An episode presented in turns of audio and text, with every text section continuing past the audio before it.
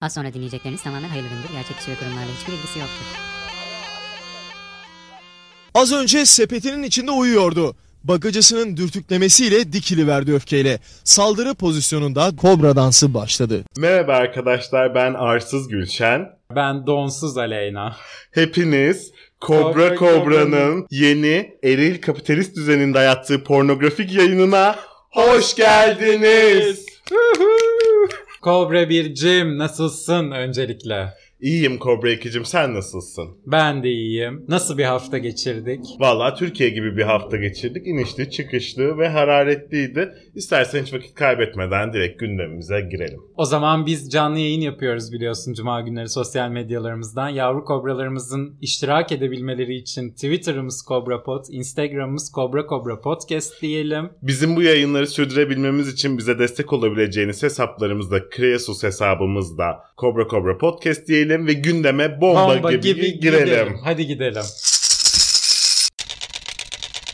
Şimdi geçen hafta Aleyna Tilki'yi konuşalım demiştik. Sonra vazgeçmiştik. Demiştik ki zaten Aleyna Tilki herkes tarafından sıkça konuşulacak önümüzdeki hafta. Biz o artık söyleyenlere, konuşanlara, atıp tutanlara gerekli cevapları veririz dedik. Tam olarak da dediğimiz gibi oldu aslında. Erol Köse'den Cüneyt Özdemir'e, Tuğba Sivri'den Ahmet Hakan'a. Herkes bu hafta Aleyna ile yattı, Aleyna ile kalktı. Öyle demeyelim yanlış anlaşılır.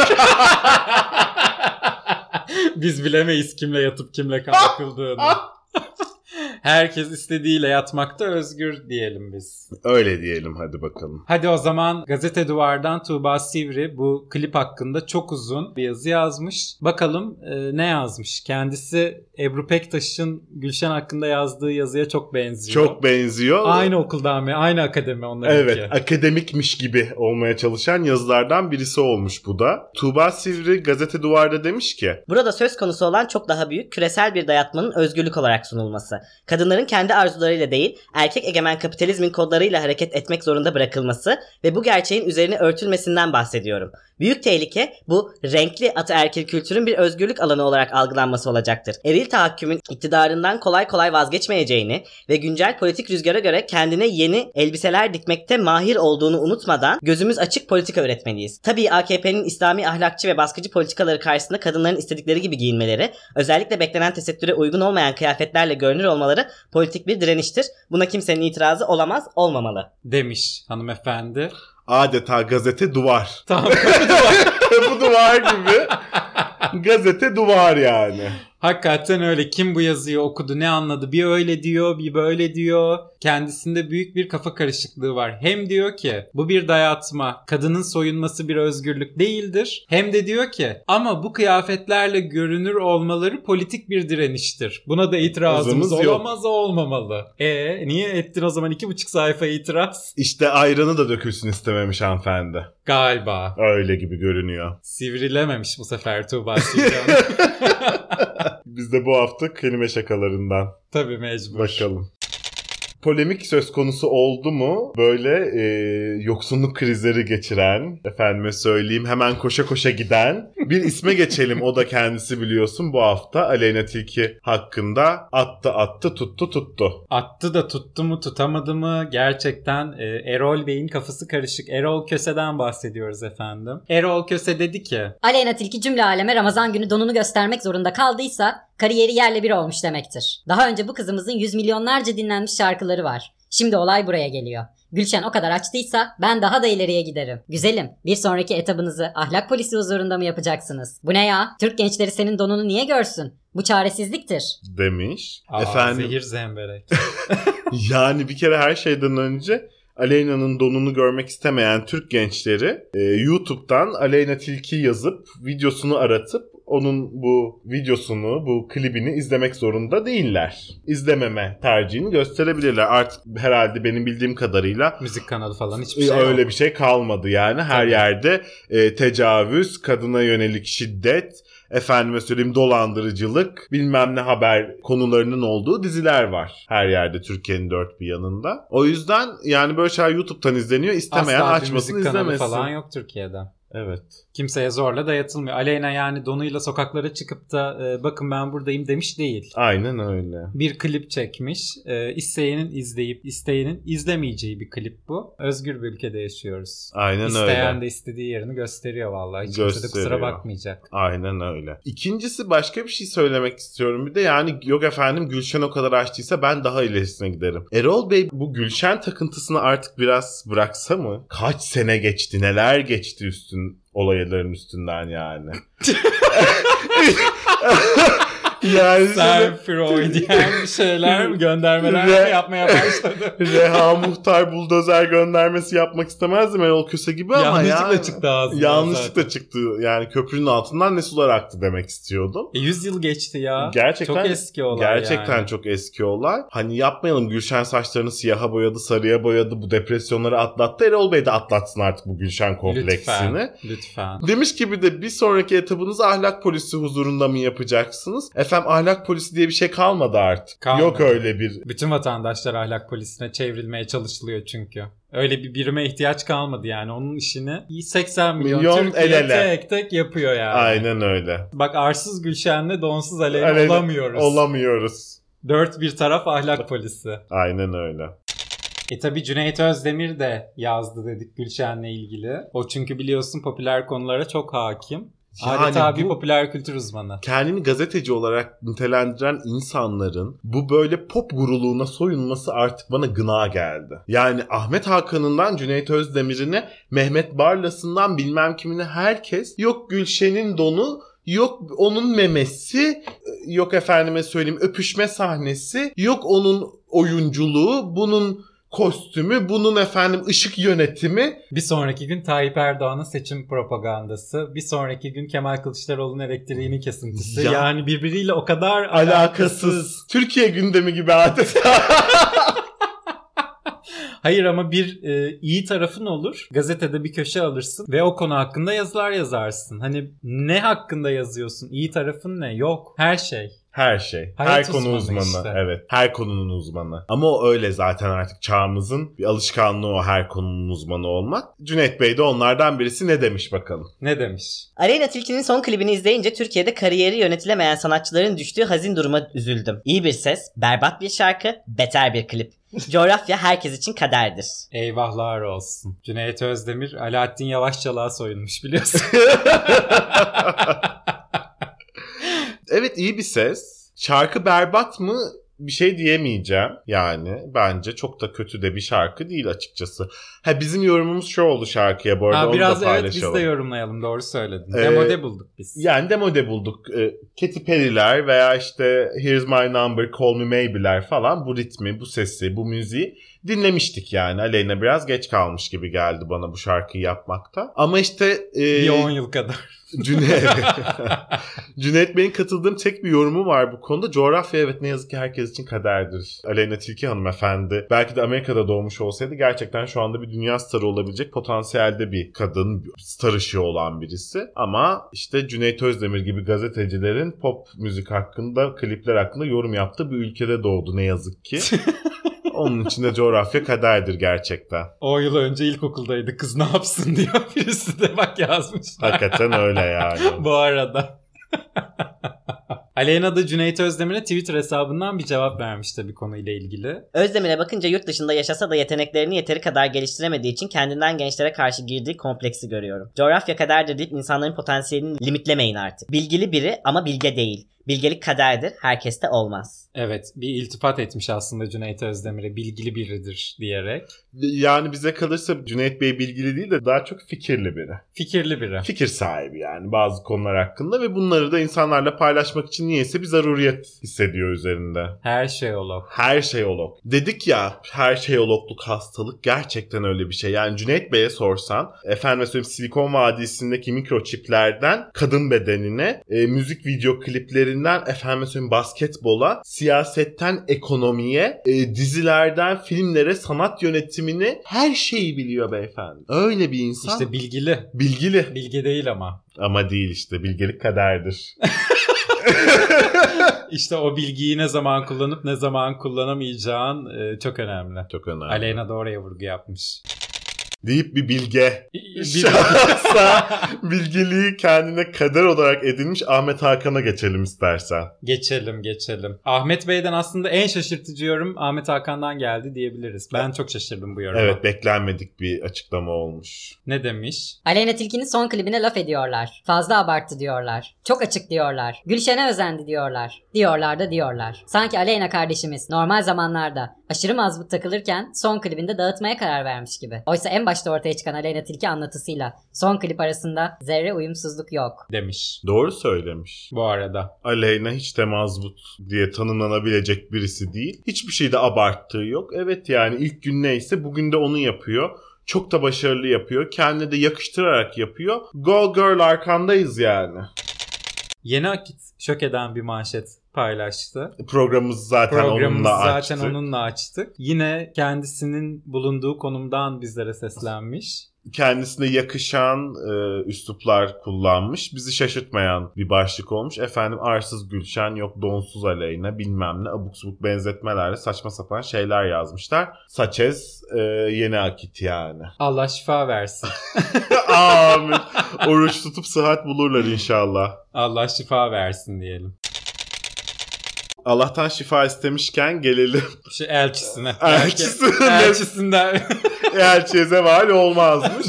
E, kendisinin iddiasıdır elçilik. evet. Biz bilmeyiz. Biz bilmeyiz. Yani e, bir de doğrulatma şansımız da yok. Ne yazık ki. Tabii. Yani elçiyi gönderen makama ulaşıp doğrulatma şansımız olsa rahatlıkla diyeceğiz elçisidir değildir. Ama yani bu tabii septik bir olay. O yüzden birazcık e, kuşkulu yaklaşıyoruz. O yüzden beyefendinin iddiasıdır elçilik. de- Diyelim. diyelim ve buyurunuz. Muhataplarını bulmakta zorluk çekiyoruz bu misin?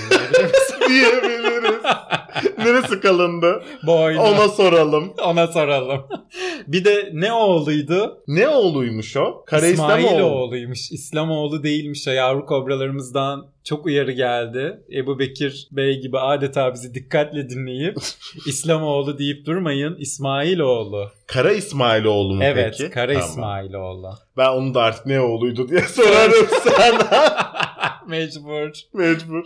Hadi bakalım gelelim Hasan Mezarcı ve Ahmet Hakan arasında yaşananlara. Kendisini Mesih ilan eden Refah Partisi eski milletvekili Hasan Mezarcı geçen günlerde biliyorsun elçiliğini üstlendiği makam tarafından kendisine bir mesaj iletildiğini ve su içmenin orucu bozmadığını dair bir Beyanat açıklama, verdi. beyanat verdi diyelim. Bir mesaj ilettiğini iddia etti. Devlet Bahçeli'den daha kibar iletmiş bu mesajı.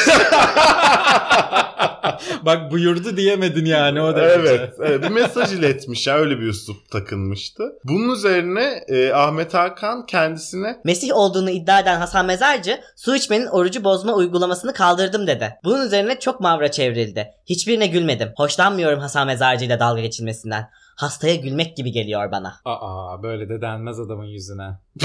Sen koskoca Ahmet Hakan'sın. Milyonlarca insan okuyor seni her gün. bir de şimdi kendini her tanrının mesajcısı, e, efendim elçisi olduğunu iddia edeni şizofreniyle suçlamaya kalkarsak bizi ya bu sokaklarda ya da başka sokaklarda mutlaka taşlarlar diye düşünüyorum. O yüzden e, hiç şık bir yaklaşım olmamış Ahmet Bey'in yaklaşımı. Zaten Mezarcı da kendisine Twitter hesabından e, bir cevap vermiş biliyorsun. Ahmet Hakan gibi saray soytarılarına derim ki su içmek sağlık açısından zorunluluktur. Orucu bozmaz. Ancak devleti milleti soyup yandaş yalakaya peşkeş çekmek dini imanı bozar, insanlığı bozar. Mesih saraydan aldığı ulufeyle konuşmaz. Allah'tan aldığı yetkiyle konuşur. Demiş.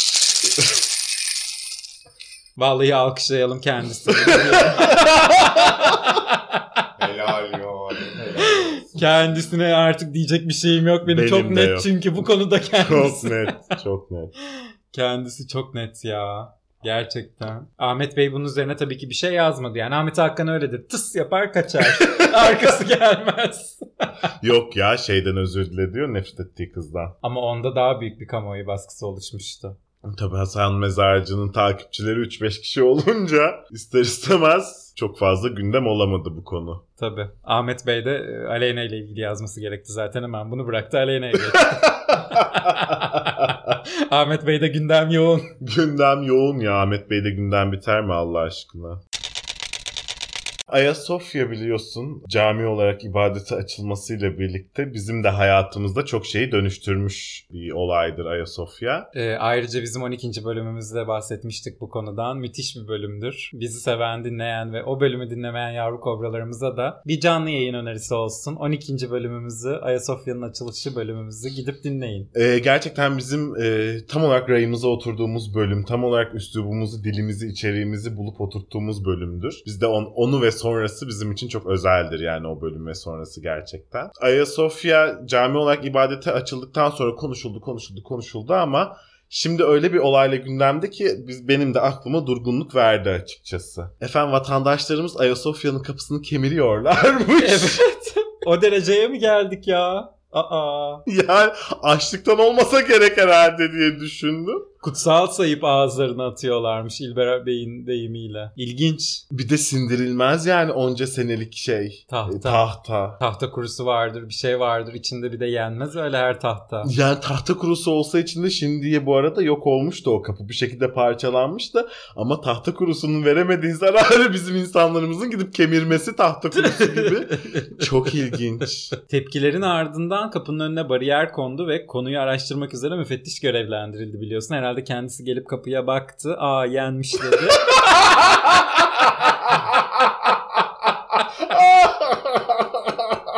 Aa, diş izi bu dedi. Aa diş izi bu dedi. bir sigara yaktı. 10 dakika dolandı böyle etrafta ve geri gitti. Sigara yakmaz devletimin memuru. Doğru. Şu anda Ramazan ayındayız. Muhakkak Asla. oruçludur o saatlerde, mesai saatlerinde. Doğru. Oruçlu değilse de niyetlidir yani. Tabii. Muhakkak. İyi niyet. Tahribatı fotoğraflayan Sanat Tarihi Derneği sorumlu müdürle yaptıkları görüşmeyi de paylaştı. Kamera kayıtlarının olmadığını, zaten büyütülecek bir şey olmadığını ve orayı tamir edeceklerini söylemişler. E öyle altı üstü kapı yendi ne var bunda? Değil mi? Yerine yenisi yapılır yani. Varsın bin yıllık olsun ne olacak? Daha güzelini yaparlar. Yaparlar yaparlar tabii muhakkak. Yenisini yaparlar. Fiberglass yaparlar. Bu sefer kemirilmesi zor olur. Ahşap değil Açılır de. kapanır belki. Otomatik bir kapı daha tatlı olur hatta değil Kimse mi? kemiremez. Ha, Peşinden gidiyorlarmış kaka diye. Di- diş güçlerdir bunlar demiş bir yavru kobramız. Gerçekten diş güçler. Yani gündem gündem gündem hepsi büyük olaylar bu arada gerçekten. Bu hafta dedim ya ben bomba gibiyiz diye. Bomba Bilmiyorum gibiyiz. yayında mı söyledim bize mi söyledim. Bize Bomba söyledin. gibiyiz bu hafta. Yayını kaçıranlar ağladı dedin. Canlı yayını kaçıranlar dedin. Hakikaten öyle bir haftadayız. Efendim Kılıçdaroğlu'nun elektriğini kestiler artık nihayetinde. Aa, Aa evet. Artık karanlıklarda büyük lider. Yok değil. E, lüküsle ve e, gaz lambasıyla aydınlanıyorlarmış evde. Onunla ilgili görüntüler de verdiler. Ama benim en çok dikkatimi çeken şey Kılıçdar Bey'in elektriğini kesmeye giden e, elektrik memurunun giydiği orta çağ e, cellat kostümü oldu. Canlı yayına bu görüntüyü verebiliyoruz. Ama yani bunu e, podcast'ten dinleyen yavru kobralarımız da lütfen bir şekilde bulup izlesinler bu görüntüyü. Muhtemelen o bir güvenlik ekipmanı arkadaşımızın kafasına taktığı şey ama Tam benim elektri- benim elektriğimi kesmeye çok geldiler. Hiç kimsenin kafasında böyle bir şey görmedim bu arada. İlk defa görüyorum yani. Hani en son Witcher'da falan görmüştüm böyle bir başlık. Öyle söyleyebilirim. İlginç bir kostüm tercihi olmuş. Çok enteresan gerçekten. Çok. Kemal Kılıçdaroğlu bu kararı eşiyle birlikte aldıklarını belirtti ve Bu 4 milyon kişi adına bir direniş. dedi. Kemal Bey'in e, elektrik faturasını ödememesinin sebebi elektriğini kestirmek aslında amacı ve bir eylem olarak 4 milyon abonenin elektriğinin kesildiğini Türkiye'de e, herkese duyurmak için, gündem olmak için bir hafta boyunca e, elektriği kesilmiş halde oturarak evinde bir eylem yapacağını söylemişti ve bunu yerine getiriyor bugünlerde. Fakat ne vatandaşımız anlamış Kemal Bey'in derdini, hadi vatandaşımız anlamamış, etrafında aynı masada oturduğu diğer 5 arkadaşı bile tam olarak anlamamış olayı. Evet. Ki Meral Hanım, efendim söyleseydiniz biz öderdik e, Dedi. faturanızı dedi. yani hayır olay faturayı ödeyememek değil hani Meral Hanımcığım. E, 4 milyon abonenin elektriği kesik şu anda. Ve 4 milyon abone demek bu arada şey gibi bir şey değil. 4 milyon kişi demek değil. 4, 4 kişi milyon desen 16 milyon insandan bahsediyoruz. Aynen öyle. Beşte birinden bahsediyoruz Türkiye'nin. Yani 4 milyon hanenin elektriği kesik demek. Ve ben bunu duyurmak için bunu yapıyorum dedi. Vatandaşımız kalktı dedi ki buzluktaki malzemeleri ne yaptınız? Erir onlar bir haftada dedi. Vatandaşımız da anlayamadı. Selvi Kemal Bey'in- kazağı 2000 lira dedi. Onu da gitti AK Partililer e, söyledi. Efendim Selvi Hanım'ın 2000'lik kaza var 3000'lik elektrik faturası mı ödeyemediniz diye.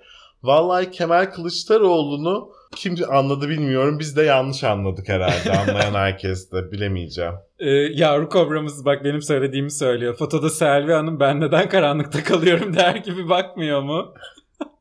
Evet gerçekten öyle bir durum var. Yani e, düşünün ama gerçekten eşiniz e, bir partinin lideri sizin hiç bunlarla alakanız yok. Ya, ev hanımısınız yani dümdüz yemek yapıyorsunuz komşuları ziyaret ediyorsunuz. Bu arada Selvi Hanım'ın çizdiği profil de o. Yani Armağan Evet. Çağlayan'ın programında verdiği röportajlarda falan da işte börek açan, işte akşam dizisini izleyen, siyasetle pek alakadar olmayan bir ev hanımıyım profili çiziyor. O yüzden senin dediğin gibi bu Eşi iş de gidiyor elektrikleri kestiriyor. Kadın niye delirmesin yani? Ben olsam ben de delirirdim. camdaki kız kaçtı diye diyorsun. Kemal bu gece camdaki kız vardı izleyemeyeceğim seni. Küçücük tablete kaldım senin yüzünden diye. Yufkalar tezgahta kaldı açılı biliyorsun. Selvi Hanım'la direnişin bir hafta olmasında anlaşmışlar diyor bak. E, bu arada yavru kobramız haklı bu konuda. Kemal Bey şey açıklamasını yaptı yani bu konuyu Selvi Hanım'a sordum. Hani şey değil böyle emrivaki yapmanın gittim sordum Selvi Hanım böyle bir şey düşünüyorum sizin için de uygun mudur diye. Selvi Hanım da benimle aynı fikirde olduğu için birlikte aldık bu kararı. Bu bir ev kararıdır ve biz işte karı koca iki eşit olarak birlikte aldık bu kararı gibi bir açıklamada bulundu Kemal Bey. Ama işte Selvi Hanım o herhalde işte senin de dediğin gibi benim de dediğim gibi siyasetle pek alakası olmadığı için onun gerektirdiği o rol yapma becerisine de haiz değil. Hanımefendi mutsuzluğu yüzünden okunuyordu adeta. Gerçekten öyle. Bütün dizileri şimdi haftaya ikişer bölüm izleyecek. O da beşer saat her dizi için yani çok uzun bir mesai. Ama unutmayalım ki Kemal Bey bu direnişi 4 milyon abonenin elektriği kesik diye yaptı. Kesinlikle. Bunu da es geçmeyelim. Bunu da es geçmeyelim. yapalım ama bunu da belirtelim Evet tekrar bu da tekrar. korkunç bir manzaradır. Bu konuda Kemal Bey'in bu arada çok zehir zemberek tweetleri ve açıklamaları oldu bu konu konuşulurken. İşte bu elektriğe bu kadar pahalı ulaşmak işte vahşi kapitalizmin dayattığı bir şeydir şudur budur gibi şeyler söyledi. Buradan Kemal Bey'in söylediklerinden benim duyduğum şöyle bir şey. Biz iktidara geldiğimizde elektriğe ulaşım ücretsiz olacak Evet ama nasıl olacak? gibi işte geliyor gelmekte olacak. E, Yani böyle de bir havada kalan bazı şeyler anlatabiliyor muyum? Çok güzel atılıyor evet. Cümleler çok güzel, çok güzel propaganda yapılır. İşte adeta müthiş böyle başlıklar şeyler ama dediğim gibi altını nasıl dolduracağız peki? Yani CHP'nin elektriği bedava vermek gibi bir projesi mi var?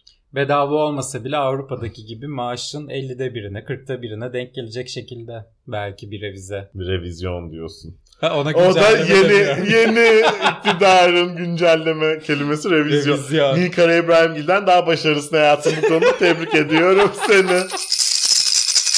Bu yılın en çalışkan kurumu galiba Rütük olmayacak. Yıl sonunda ödül dağıtıyoruz ya TÜİK daha çok çalışıyor şu an. TÜİK nefes almadan çalışıyor. Her hafta bir istatistiğini açıklıyoruz. Adeta bir propaganda makinesi.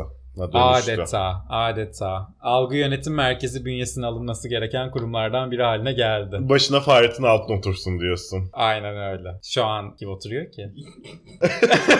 Şu an kim oturuyor? başında mı? Evet. Yani bir arkadaşı bir dostu oturuyordur. Kim oturuyor ne bileyim. Bir telefon uzaklığında. Ee, Şey gibi Nebati Bey gibi ararız. Kanunu da çıkartırız. Herhalde. İstatistik Yönetmelik de de yaparız. değiştiririz. istatistik de yaparız. Gerekirse kapıları da kapatırız. Ne olursa. Aynen öyle. Türkiye'deki 84 milyon 680 bin kişiden 22 milyon 738 bini 0-17 yaş aralığındaymış. Yani nüfusumuzun %26.9'u çocuk. Aynen. Z kuşağı, alfa kuşağı. Alfa kuşağı bunlar. Alfa oluyor. Alfa mı 0-17 oluyor? olanlar tabii. Doğru. Ahmet Hakan'da bıraktık Z kuşağını. Z kuşağı Aleyna Tilki. Aleyna Tilki Bunlar. Aleyna'dan da küçükler. Bunlar alfa. %26.9 çok genç bir nüfus. Ben hayrete düştüm. Bunlar Aleyna'nın büyük ayıcıklara sarıldığı yaştalar. Evet. Şimdi Aleyna motorculara sarılıyor biliyorsun. o yaşa daha gelmediler. Alfa kuşağı bunlar. Bunlar işte o şey Abdurrahman Bey'in çip takıp hümoroid yapacak dedikleri kuşak. Aynen bunlar. Biz yaşlandıklarını göremeyiz bu kuşağın. Yok onlar ölümsüz olacak hümoroid olacak çip takacaklar onlara. Büyük, güzel, güçlü Türkiye'mizi onlara bırakıp göç edeceğiz biz. Aynen öyle. Biz Mars'a mı gideriz artık nereye bilmiyorum. Biz toprak altına onlar e, ayda madencilik yapacaklar, uçan arabalara binecekler, togla gezecekler. Efendim söyleyeyim gazımızdan kar elde edecekler. Onu bunu bırak. Şeyden bile Avrasya Tüneli'nden bile para kazanmaya başlayacaklar ki gör onları artık. İşte bu kuşak o kuşak. Toplumumuzun %26.9'u çok şanslı. En azından gelecek 40 yılda onları büyük müjdeler, sürprizler Çok bekliyor. büyük sürprizler bekliyor. e, Greta ablalarına inanmasınlar diyoruz. Dış minnakların oyunlarına asla gelmesinler. E, eğer ki CHP dönemi Türkiye'sini merak ediyorlarsa hemen gidip bir markete fiyatlara baksınlar. E, şeker taneyle satılır. Efendime söyleyeyim bir kişi bir taneden fazla yağ alamaz yazılarına baksınlar. O günleri e, yaşasınlar, simüle olsunlar ve e, AK Parti hükümetine şükretsinler her zaman. Bu şey gibi de yorumlanabilir mi aslında? 3 çocuk değil 4 çocuk 5 çocuk demişti Sayın Cumhurbaşkanımız en son biliyorsun. Belli Fikri- ki yapılmış. belli ki yapılmış yani. Durmak yok. Yola devam. üremeyi yol olarak değerlendirmen de çok şık oldu. Seni de tebrik etmek lazım ne diyelim.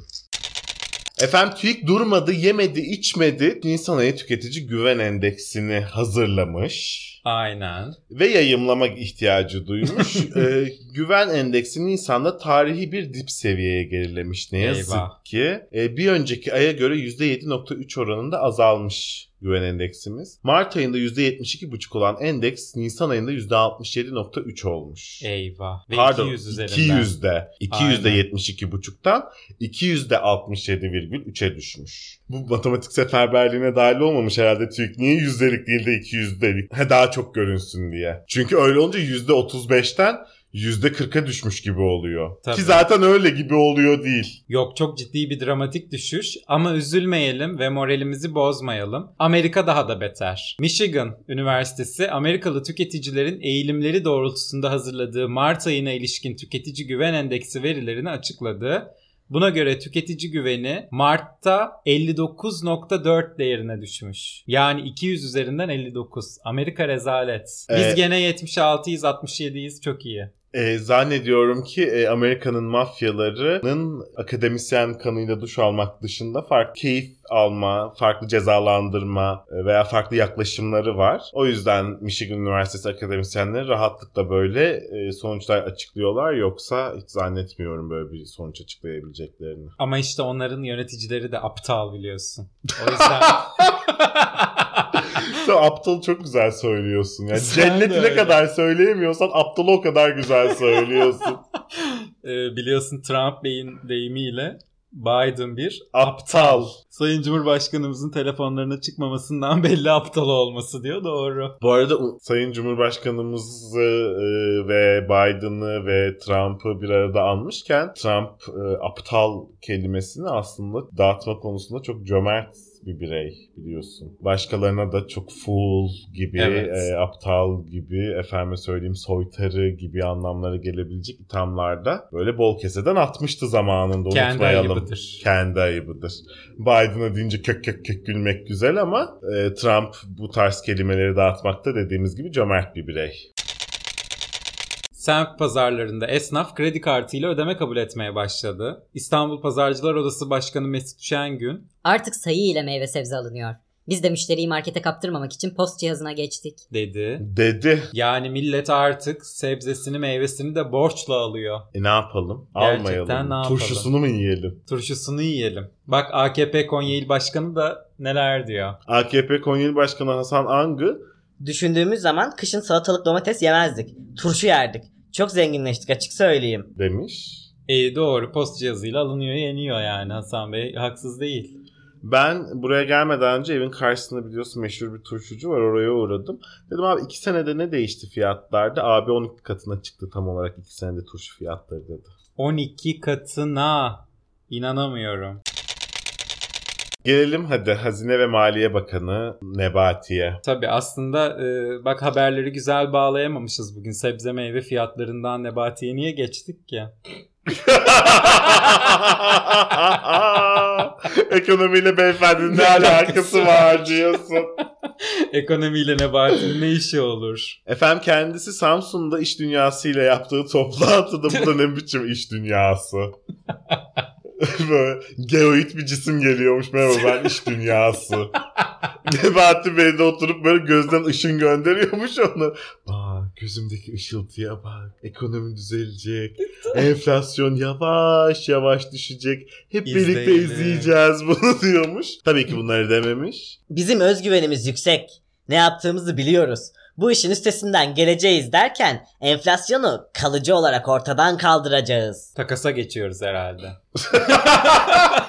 ben yine diyordum ki paradaki bütün sıfırları atalım. Nebati Bey parayı kaldıracak, herhalde. kaldıracak muhtemelen enflasyonu ortadan kaldırmak için. Bu arada beyefendinin bu bizim özgüvenimiz yüksek açıklamasını yapmasına gerek yok. Zaten böyle bir sahne performansında bulunabilmesi için müthiş bir özgüveninin olması gerekiyor her şeyden önce insanın. Biz beyefendinin özgüvenini zaten taçlandırdık yani kaç kere. Kendisinden önce giriyor bir odaya özgüveni zaten. İnanamazsın yani. E ama Sayın Cumhurbaşkanımız seninle benimle de bu kadar gurur duysa bizim de özgüvenimiz önden yürür. Aynen öyle. Onun arkasında bir telefonla ulaşabileceği Sayın Cumhurbaşkanımız var. Efendim enflasyonu da isterse kalıcı olarak ortadan kaldırır. Arar Cumhurbaşkanımız, Sayın Cumhurbaşkanım der. Ben der, efendim dönemsel olarak biliyorsunuz bazı kelimeleri yasaklıyoruz, bazılarının yasaklarını kaldırıyoruz. Bir dönem enflasyon kelimesini lütfen yasaklayalım. kaldıralım. Kalıcı olarak ortadan kaldıralım enflasyonu. Konuşmayalım bundan sonra. Konuşmadığın şey zaten yoktur der. İkna edemedi mi? Gider saraya çalar kapısını Sayın Cumhurbaşkanım gözlerimin içine bak der. Ve onu hipnotize eder. Gözlerimdeki ışıltıyı görmüyor musun Sayın Cumhurbaşkanım der. Enflasyonu kaldıracağız der ya ortadan. Kalıcı olarak hem de der yani. Daha ne yapsın ki bizler için bu adamcağız? İşte Kılıçdaroğlu gibi bu da. Söylüyor sadece enflasyonu kalıcı olarak ortadan kaldıracağız. Nasıl? Ne zaman? Gözümüzdeki ışınla. Ne zaman? 2023'te zamanı belli. Belli. Olmadı 53. Yolu var. 30'a kadar yolu var. Bilal Erdoğan da 30 diyor biliyorsun. Tabii işte Haziran'da Aralık oldu. Aralık'ta 23 oldu. 23'te 53 oldu artık. Ama kalktı mı kalıcı kalkacak o kesin. O kesin. O yüzden beklemeye değer. Beklemeye değer. Çünkü sen buna değersin. Çanakkale Köprüsü yapıldı biliyorsun ve muhteşem. Altyapı konusunda da hiçbir eksiğimiz kalmamış Özel oldu. adı yok mu onun? Çanakkale Köprüsü Çanakkale mü? Köprüsü. 18 Mart falan değil mi? 15 Temmuz? O da mı değil? o da değil. Çanakkale'de iki kıta arasında geçişleri sağlayan feribot ücretlerine %42 ila %117 arasında değişen oranlarda bir güncelleme yapıldı. Buna göre 6,5 liralık yolcu ücreti 10 liraya, 95 lira olan otomobil 135 liraya, tır ile geçmek ise 400 liraya çıkarıldı. Ee, köprünün geçiş bedeli de 200 liracık biliyorsun. 72 lira güncelleme gelmiş. 272,5 liracık olmuş. Olmuş. O da hiçbir O da şey cık. değil. Yani o da cık tabii ki her zaman. Ama yani bu haberi öyle bir verdin ki iki kıta arasında geçiş zannedersin bir okyanuslar açılıyor yani gemilerle. Şu yakadan bu yakaya ya. Yani Truvalıların falan geçtiği milattan önce geçilen bir boğazdan bahsediyoruz hani. Atlantik okyanusundan bahsetmiyoruz o yüzden. O 20 dakika yarım saat falan sürüyor bindim bir feribota oradan oraya geçmek. Tabii tabii. Ya öyle bir atla deve bir şey değil ki üstte köprü yapılabilecek yakınlıkta bir mesafe. %117 güncelleme işte köprüye teşvik Bütün vatandaşlarımızın görmesi için büyük bir teşvik sağlanmış oldu aslında. ve e, bizi de devlet garantisi yükünden kurtarmak için herhalde yapılmış da bir çalışma gibi sanki. Aynen öyle. Gü- 45 bin araç e, konvoy yapın geçin demiştik. Geçmezseniz yoksa biz ödüyoruz paraları demiştik oturduğumuz yerden. Bak e, Sayın Cumhurbaşkanımız e, 45 bin aracı bulmuş gibi gözüküyor. İstanbul kart kişiye özeldir diye bir video yayınladı İBB bu hafta. Bütün sosyal medya günlerce bu videoyu konuştu. Günlerce değil iki gün konuştu çünkü öbür güne konuşacak bambaşka ve daha önemli şeyler olduğu için. Tabii. Ama bize o işte bir gün gündem o kadar yoğun oluyor ki o gün günlerceymiş. gibi geliyor. Gerçekten öyle. Kesinlikle. Video tartışıldı. Bazı insanlar videoya ne yapsın insanlar yani dedi. Hal buyken e, başkasının kartıyla da biniyor kusura bakmayın dedi. Ee, ben beyefendi gibi e, Ayşe teyze kartıyla bedava binmedim. Ben kendi kartına bedava bindim geçen gün. O da şöyle oldu. Bastım. Yetersiz bakiye. Dedi bana alet humanoid. Ondan sonra başka bir humanoid'i aldım elime. Dedim ki buradan e, bankanın uygulamasından yükleyeyim. O humanoidlerin de böyle arkasına kartını dokunduruyorsun hemen yüklüyorları var. Bir de 10 dakika 20 dakika sonra yüklüyorları var. O 10 dakika 20 dakika sonra yükleyenindenmiş ve biz geleceğimiz yere gelmiş bulunduk. Dedim ya ben iniyorum böyle böyle. Bu arada vatandaşlar da dedi ki baş ver ya dedi ne dedi uğraşıyorsun ya dedi götürsünler sırtında mı götürüyor seni bilmem ne diye böyle çevreden bir destek de aldım bedava. Aa, Otobüse biniyorum diye. Çok ilginçti. Kobra 1'e halkın desteği yoğun. Gerçekten inanılmaz. Ondan sonra şoför de buna e, bu halkın bu baskılarına Kayıtsız kalamadı. kalamadı ve dedi ki neyse artık dedi yüklenince dedi bir otobüse bir tane daha basarsın ekstradan dedi. Dedim he basarım. Kaç para olduğunu haberim var. Haberim var mı öyle basılıyor olsa ben dedim basarım emin ol yani. Öyle buradan Beyoğlu'na bedavaya gittim. Oh sefan Oh olsun sefam hayatım. olsun. Ee, bu videonun altına zaten çok yazmışlar. Geçen gün orta kapıdan bindim kart uzatmadım diye. Gerçekten e, bazen de yapılıyor. Hele artık. Ama bu videoda tabii ki sosyal medyanın konusu olan şey bu olmadı. Ee, tam olarak e, bir beyefendinin Ayşe teyze diye tırnak içinde aşağılanması, itilmesi. e, Utandırılmaya çalışılması aslında kadın zannedilerek. 0-4 yaş arası çocuk sahibi kadın zannedilerek utandırılmaya çalışılması. Efendim anne olmak utanılacak bir şey değildir. Buradan e, Binur Kalkavan'a sesleniyorum diyormuşum. Kadın olmak hiç utanılacak bir şey değildir. Bunu da e, bu reklamı çeken, yazan, yöneten, oynayan, bu prodüksiyon içinde olup da ya arkadaşlar bu iş acaba biraz cinsiyetçi olmuyor mu? Fikrini söyleyemeyen herkese söylemek istiyorum. Kadın olmak da aşağılık bir şey değildir. Ben bu konuda değerli eşimle bazı tartışmalar yaşadım. Ben de aynı fikirdeydim. Videoyu izlediğimde bir tüylerim ürperdi. Ne alaka dedim. Kendisi de böyle düşünmediğini beyan etti ve dedi ki kendi 0-4 yaş arası anneler için bedava verdikleri kartın da reklamını yapıyorlar aslında. Hmm. Burada o adam yaşlı biri de olabilirdi. Yaşlı kartı çıkarmış olsalardı yaşlı olurdu. Onlar anne kartı getirdikleri için onun reklamı aslında bir yandan da dedi. Bana da çok mantıklı geldi. Bir taşla iki kuş vurmaya çalışırken sen git bir taşla iki göz çıkar. Evet. Tatsız olmuş. Ben Tatsız. tatsız buldum yani. Tatsız. Amerika'nın Türkiye hakkında yazdığı raporu değerlendiren İçişleri Bakanı Soylu. Şimdi burada bir saniye e, saygı duruşu istiyorum. Bir dakikalık saygı duruşu istiyorum. Çünkü Süleyman Soylu Bey artık dış ilişkileri iç siyasete alet etmenin, propaganda yapmanın, karalama yapmanın, algı operasyonu yapmanın tarihini yazdı. Kesinlikle. Bu konuşmasıyla. Kendisine önce bir gerçekten bir dakikalık sessizlikle saygı duruşunu, hak ettiği saygı duruşunu bir verelim. Sonra da açıklamasından ana başlıkları dile getirelim. Buyurunuz. Amerika şöyle istiyor. Dünyanın her yerinde erkeklerle erkekler evlensin, kadınlarla da kadınlar evlensin. Ya siz evleneceksiniz, Lut kavmi gibi olacaksınız, haş bulacaksınız. Ben size ne edeyim? Biz neymiş? Buna müsamaha göstermiyormuşuz. Biz sizin hakkınızda rapor yazsak var ya. Oho! Efendim bir kere her şeyden önce Sayın Süleyman Bey e, zannediyorum ki elinizi tutan yok. Bu arada. Bir rapor yazmak istiyorsanız hodri meydan buyurunuz yazınız bir. E, kesinlikle Binali Bey'den daha iyidir Türkçesi de. Zannediyorum ki. Bu arada. Peki bu konuyu telefonda konuşurken az önce senin yaptığın espriyi benim benim yaptığım espriyi senin yapmış olma. Bu arada.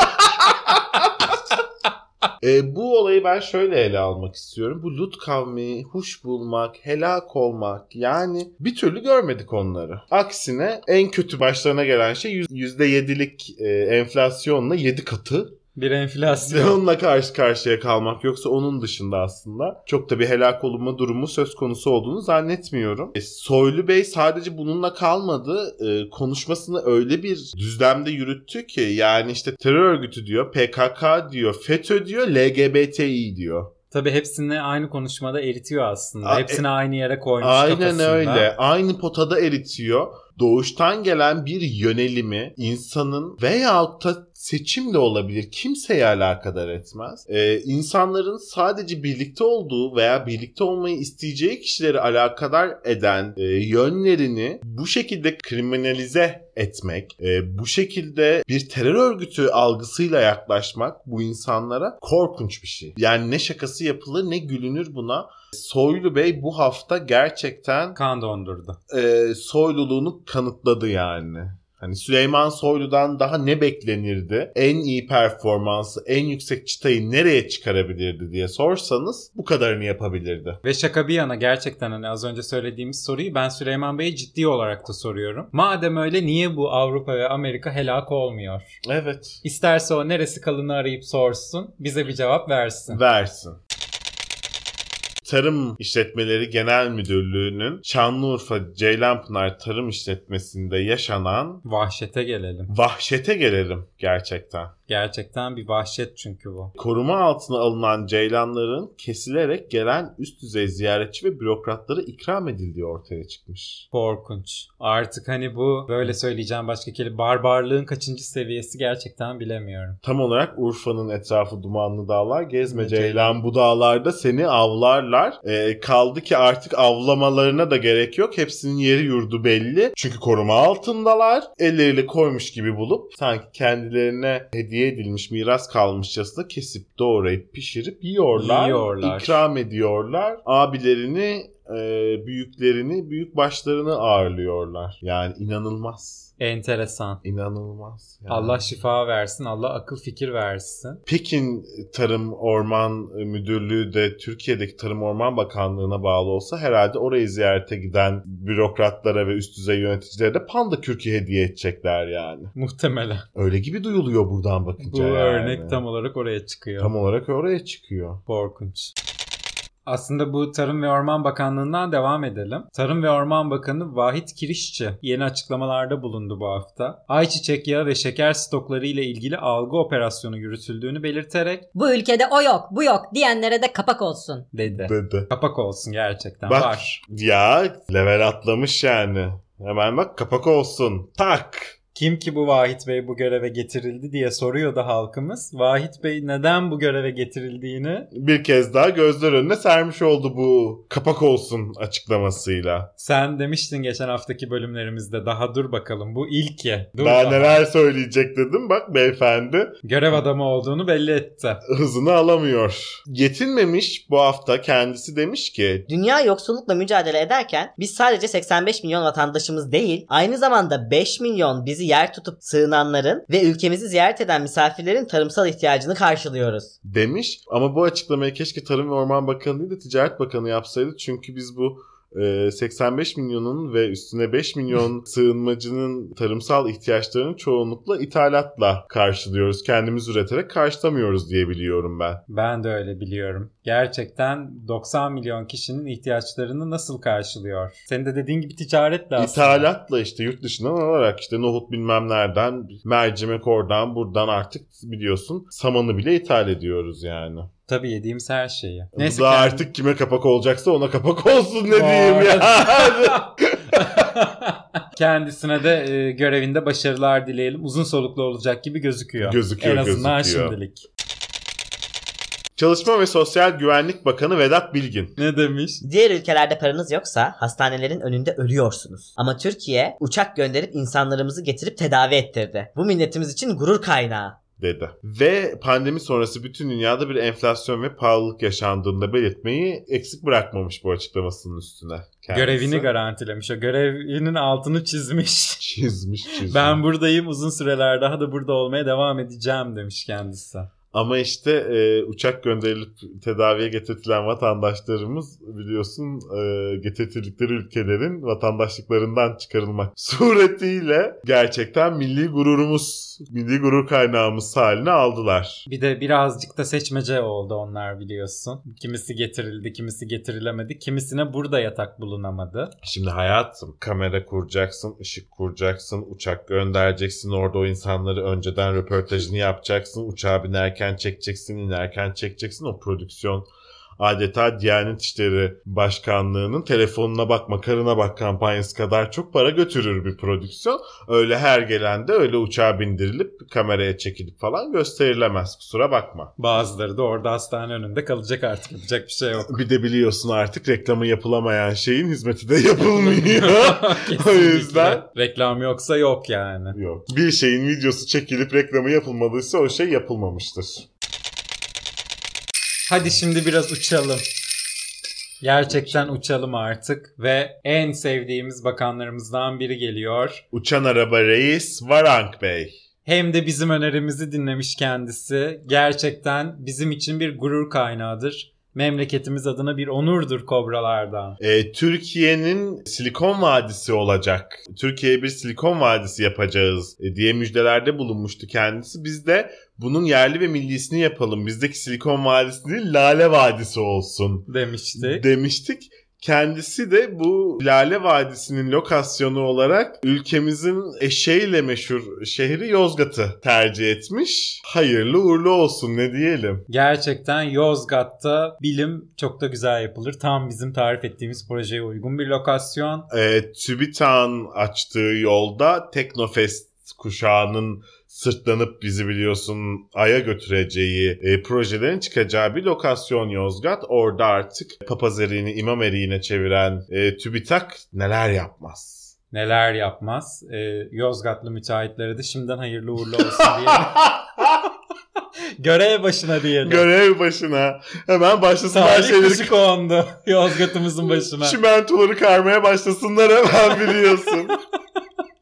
Bakan Varank bir açıklama daha yaptı. Yakın zamanda Türkiye'nin uzaya göndereceği insanları seçmek üzere duyuruya çıkacağız. dedi. Senle ben olabiliriz bu insanlar. Biz Diyorsun. gönüllüyüz diyelim bakanımıza. Biz mülakattan kalabiliriz hayatım. Kalabilir miyiz? Kalabiliriz. Hadi ben neyse kendim için düşünmüyorum da sen Abdurrahman Bey'le çok iyi anlaştığın için Abdurrahman Bey'siz uçmazsın zaten o uzaya. Uçmam. Eğer bir yere uçulacaksa Abdurrahman Bey muhakkak yanı bir tarafında isterim. bir tarafımda Mehmet Barlas'ı isterim. Onların bir Ahmet yanında Ahmet Bey. Hakan'ı isterim. Onların bir yanında Şebnem Hanım'ı isterim. Onların bir yanında Nagihan'cığımı isterim. Onların bir yanında Rasim'ciğimi isterim.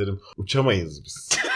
ağır, ağır basarız yani. Onları Rusya'ya gönderiyorduk şimdi Mars'a mı gidiyorlar? Uzaya gideceğiz. Kazma kürek sırtlanıp Ay'a gidiyoruz biz.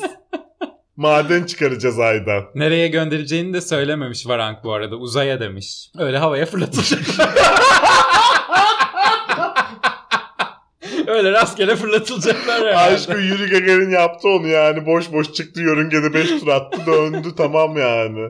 Öyle bir gidip gelinecek herhalde bilmiyorum. Bilemeyeceğim diyorsun. Ama biz gönüllüyüz. Bunu söyleyelim. Ben değilim. Değil misin? Yok. O gidip de dönememek var. O yörüngede böyle süzülmek de var.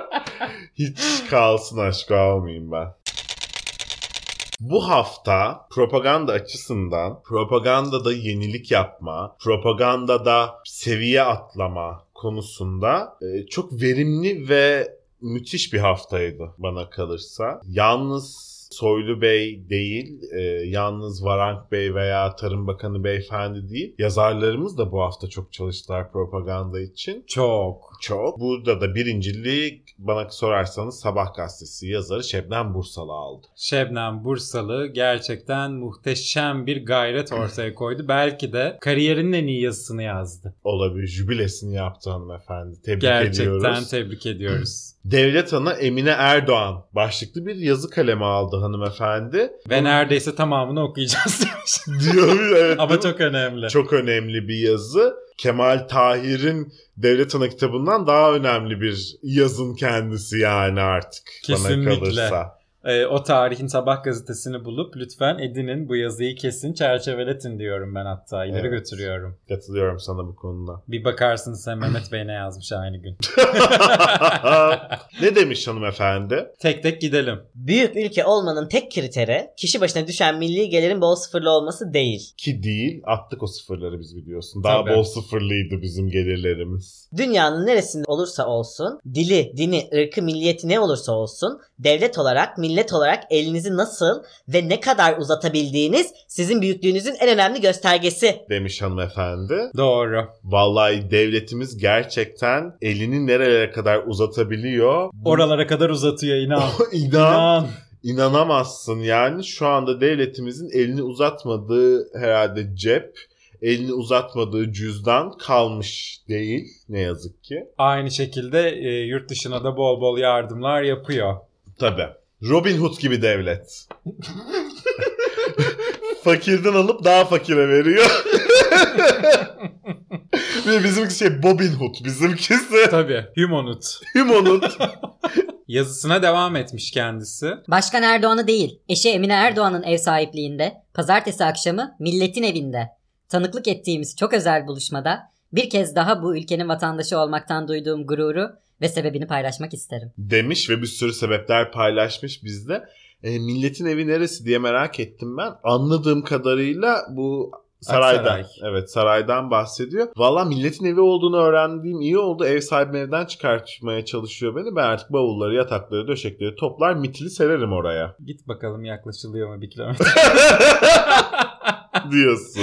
bir kilometre yanına yaklaşılmıyordur diye düşünüyorum. Ama o da milletimizin e, güvenliği açısından. Hmm. Bu şey gibi Sayın Cumhurbaşkanımız orada yaşıyorsa zaten hepimiz orada yaşıyor sayılıyoruz. Tabii. gibi. Sayın Anladım Cumhurbaşkanımız hepimiz adına ve yerine orada canım. yaşıyor. Anladım. Hanımefendi Emine Erdoğan'ın pazartesi akşamı külliyede çocukluğumuzun Ramazanlarını da hatırlatan ve tamamen çocuklara özel bir iftarda evinden yurdundan koparılmış savaş mağduru Ukraynalı ve Kırımlı 70 çocukla birlikte çok duygusal anlar yaşandığını Belirtmiş hanımefendi.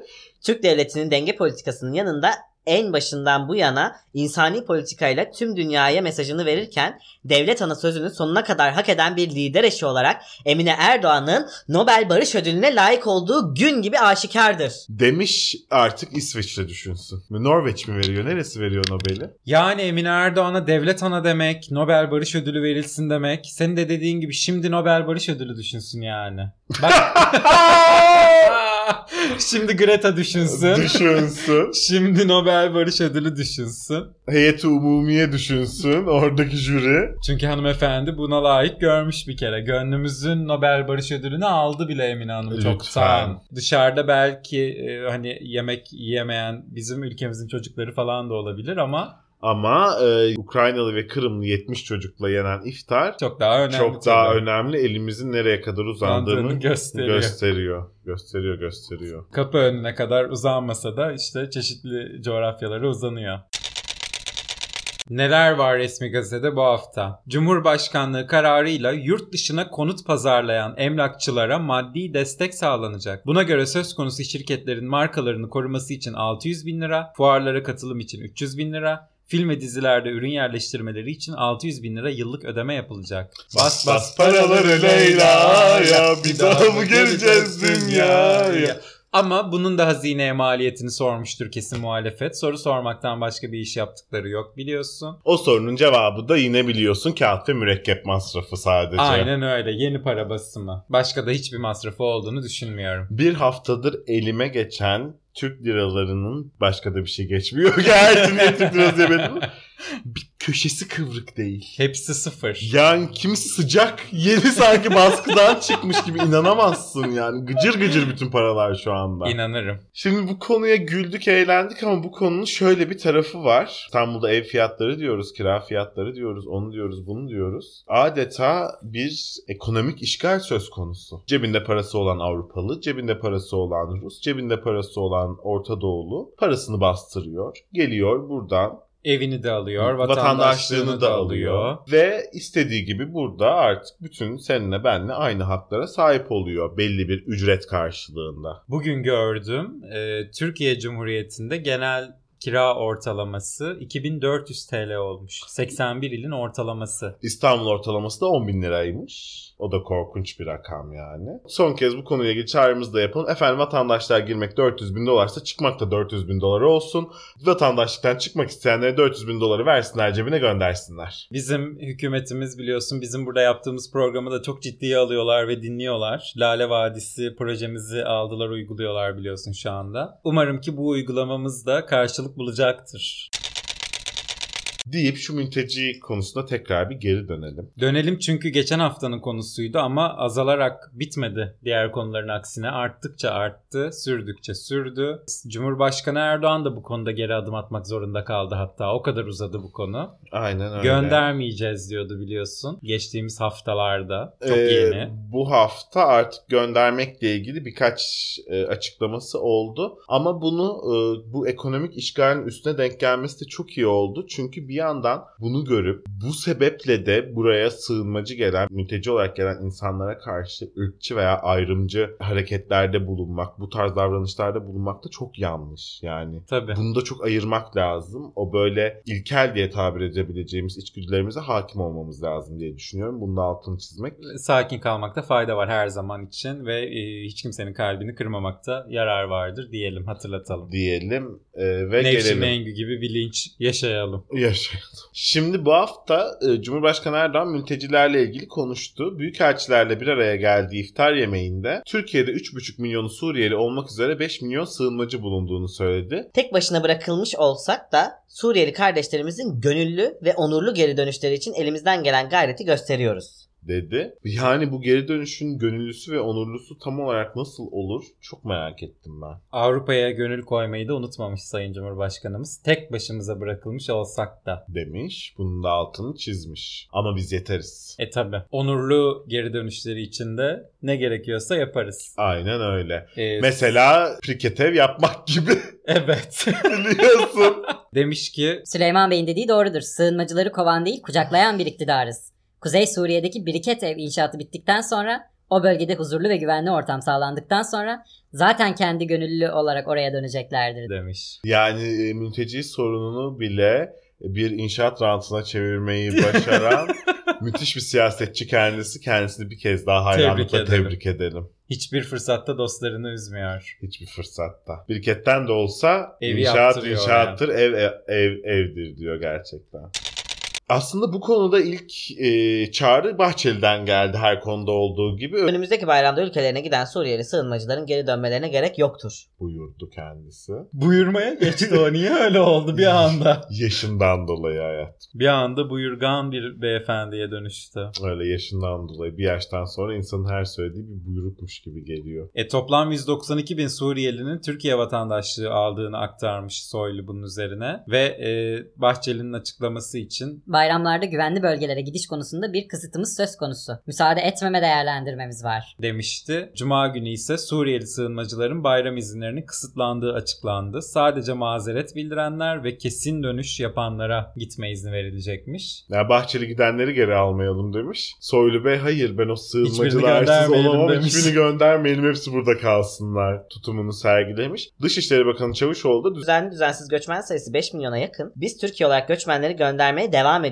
Bu sene gönderilen göçmen sayısı ilk 3 ayda 21 bin. O diye açıkladı. çoğu gitmiş. Ama 5 geçen- milyonda 21 bin 3 ayda çok. ama daha geçen hafta e, İstanbul Valiliği sadece İstanbul'dan 27 bin göçmen gönderildi demedi mi? Gönderilmek üzere işlemleri Ha, başlatıldı ha, demişti. evet öyle demişti pardon. Tabii. 3 ayda 21 bini biz gönderdik. Geriye kaldı 4 milyon 4, Ha matematik geriye kaldı matematik 4 seferberliği. milyon 999 bin 980 979. Bak bildim. Hadi bakalım bilmiş ol kırmayacağım seni.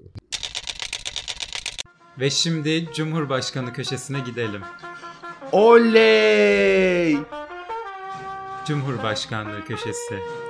Evet! Cumhurbaşkanı Erdoğan'ın avukatı Hüseyin Aydın bir açıklama yaptı. Biliyorsun Kılıçdaroğlu ile aralarında sürekli davalar var. Ee, bazılarında Kılıçdaroğlu haklı bulunuyor. Kılıçdaroğlu'nun iddiasına göre çok azında Sayın Cumhurbaşkanımız haklı bulunuyor. Ama Sayın Cumhurbaşkanımızın haklı çıktığı bir dava olmuş ve avukatı açıklama yapmaktan geri durmamış. Kılıçdaroğlu ben haklı çıktım deyip Cumhurbaşkanımızı istifaya davet ettiği gün Yargıtay bir dosyamızı daha onadı. Kılıçdaroğlu 35 bin lira daha ödeyecek. Dedi. Böylece içinde Man Adası'nın da olduğu konuşmaları nedeniyle tazminata mahkum olduğu dosya 5, ödeyeceği tutar 195 bin lira oldu. demiş. Vallahi Kılıçdaroğlu Bey elektrik faturasının yanında bir de bunları ödeyecek artık. Gerçekten E, Beymen'den Wake2'ye bir geçiş olacak gibi Sevil Hanım'ın gardırobunda ne yazık ki. geçmiş olsun diyelim tabii Kılıçdaroğlu'na. Cumhurbaşkanı Erdoğan dedi ki Vatandaşlarımız altılı masanın her gün patlayan skandallarını pembe dizi gibi utanarak izliyor. halk yasak elma gibi takip ediyor muhalefeti. Muhalefet gerçekten yasak elma gibi ama. Bu arada. Yani o böyle bir yandan trajedi bir yandan da mizahı hiçbir zaman elden bırakmıyorlar. Pembe dizileri niye utanarak takip edelim onu da bilmiyorum. Ki yurt dışına satıyoruz milyarlarca liraya, milyarlarca büyük bir ihracat kaynağımız. Sayın Cumhurbaşkanımız her fırsatta dile getiriyor. Pembe dizi izlemek utanılacak bir şey değildir Bu arada. diyelim. Erdoğan bu hafta İsteyen herkesin çalışacak işi vardır. Türkiye siyasi olarak yakın tarihin en itibarlı konumundadır. demiş. Doğru. Doğru. Her hafta söylediğimiz gibi. Yani eğer ki e, çalışmak istiyorum derseniz Türkiye'nin dört bir köşesinde sizi asgari ücretle çalışıyor gibi gösterip aldığınız paranızın ya- yarısını elden geri alarak çalıştıracak patronlar ve işler dolu. Dolu. İsteyen 1000 liraya 2000 liraya gidip sigortalı mis gibi çalışabilir yani. Bu arada. Üniversitelilerle bir araya gelen Cumhurbaşkanı Erdoğan Bizim okul hayatımız Türkiye'nin siyasi, sosyal ve ekonomik bakımdan gerçekten çok çalkantılı, çok sıkıntılı bir döneminde geçti. Bir yandan ideolojik gerilimlerin ve kavgaların, diğer yandan yokluğun, yoksulluğun, hepsinin üzerine bir de 12 Eylül darbesinin baskısı altında eğitimimizi tamamlamaya çalıştık. dedi. Tamamlayıp tamamlamadığı konusundaki bu Muallak. müthiş politik cevaplarını ben hayranlıkla takip ediyorum Sayın Cumhurbaşkanımızın. Tamamlamaya çalıştı. tamamlamaya çalışmış eğitimini. Belli ki çalkantılı dönemlere denk gelmiş kendisinin dediği gibi ki konuda Bugünkü bir gibi değilmiş yani. belge, bir delil, bir e, bunu doğrulayacak bir şey bulmak da çok güç oluyor. Yani belli ki Türkiye'nin gerçekten çok ciddi çalkantılar yaşadığı bir diploma basacak kağıdının olmadığı yıllar olsa gerek diye düşünüyorum o yılların. Şüphemiz olduğundan değil de Değil tabii ki. Sadece işte e, bir ara e, ne o halkın demokratik Aynen. falan bir şey öyle partisi sormuştu. sormuştu nerede bu diploma gö- gösterin bana diye. Kendisi bulamamıştı diplomayı. Ona atfen söyledim zaten yani. Belli ki çalkantılı bir dönemmiş. Yok sen böyle bir soruyu soramazsın demişti mahkeme ona. Diplomayı Sayın Evet. Cumhurbaşkanımızın aramasına müsaade bile edilmemişti. Aynen öyle. Cumhurbaşkanımıza ulaşmadan bu ses susturulmuştu. Susturulmuştu. Umarım bizimki de ulaşmaz. Biz sorgulamıyoruz dediğimiz gibi eminiz ki vardır, Vardır. ama Sayın Cumhurbaşkanımızın dediği gibi Türkiye sosyal, siyasi, ekonomik bakımdan felaket haldeydi. 12 Eylül darbesinin baskısı altındaydı bir kere her şeyden önce. Şimdi böyle bir şey söz konusu bile değil. Değil. Türkiye hiç sıkıntılı bir dönemden geçmiyor. Ekonomik, sosyal, siyasi olarak en üst seviyesinde. İdeolojik gerilimler ve kavgalar asla, yok. E, çalkantıdan ziyade durgun suda gibiyiz. Akışkan bir şelalede gibiyiz ama yukarıya akan bir şelale. Ordunun dereleri diyorsun. Tabii. Sana yerli ve milli gömlek çok yakışıyor aşkım. Bu hafta sabah gazetesi yazarı hanımefendiden daha çok yakışıyor. müthiş yani Şebnem Hanım'a kafa tutar bir performansı. Seni tebrik ediyorum. Şimdi Şebnem Hanım düşünsün.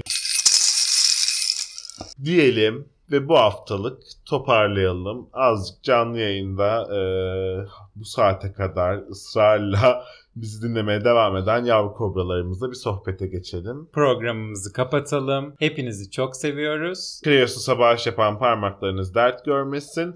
Bu canlı yayında bu kobralar ne konuşuyor bu kadar diye merak edenler de Kobra Kobra Podcast Instagram hesabımızdan her cuma saat 11'de bizi dinleyebilirsiniz. Yetmiyor bize ne olur daha uzun olsun diyenlerin dikkatine ayrıca. Çünkü iki buçuk saattir konuşuyoruz. Ee, muhtemelen buradan bir 50 dakika 55 dakika vereceğiz.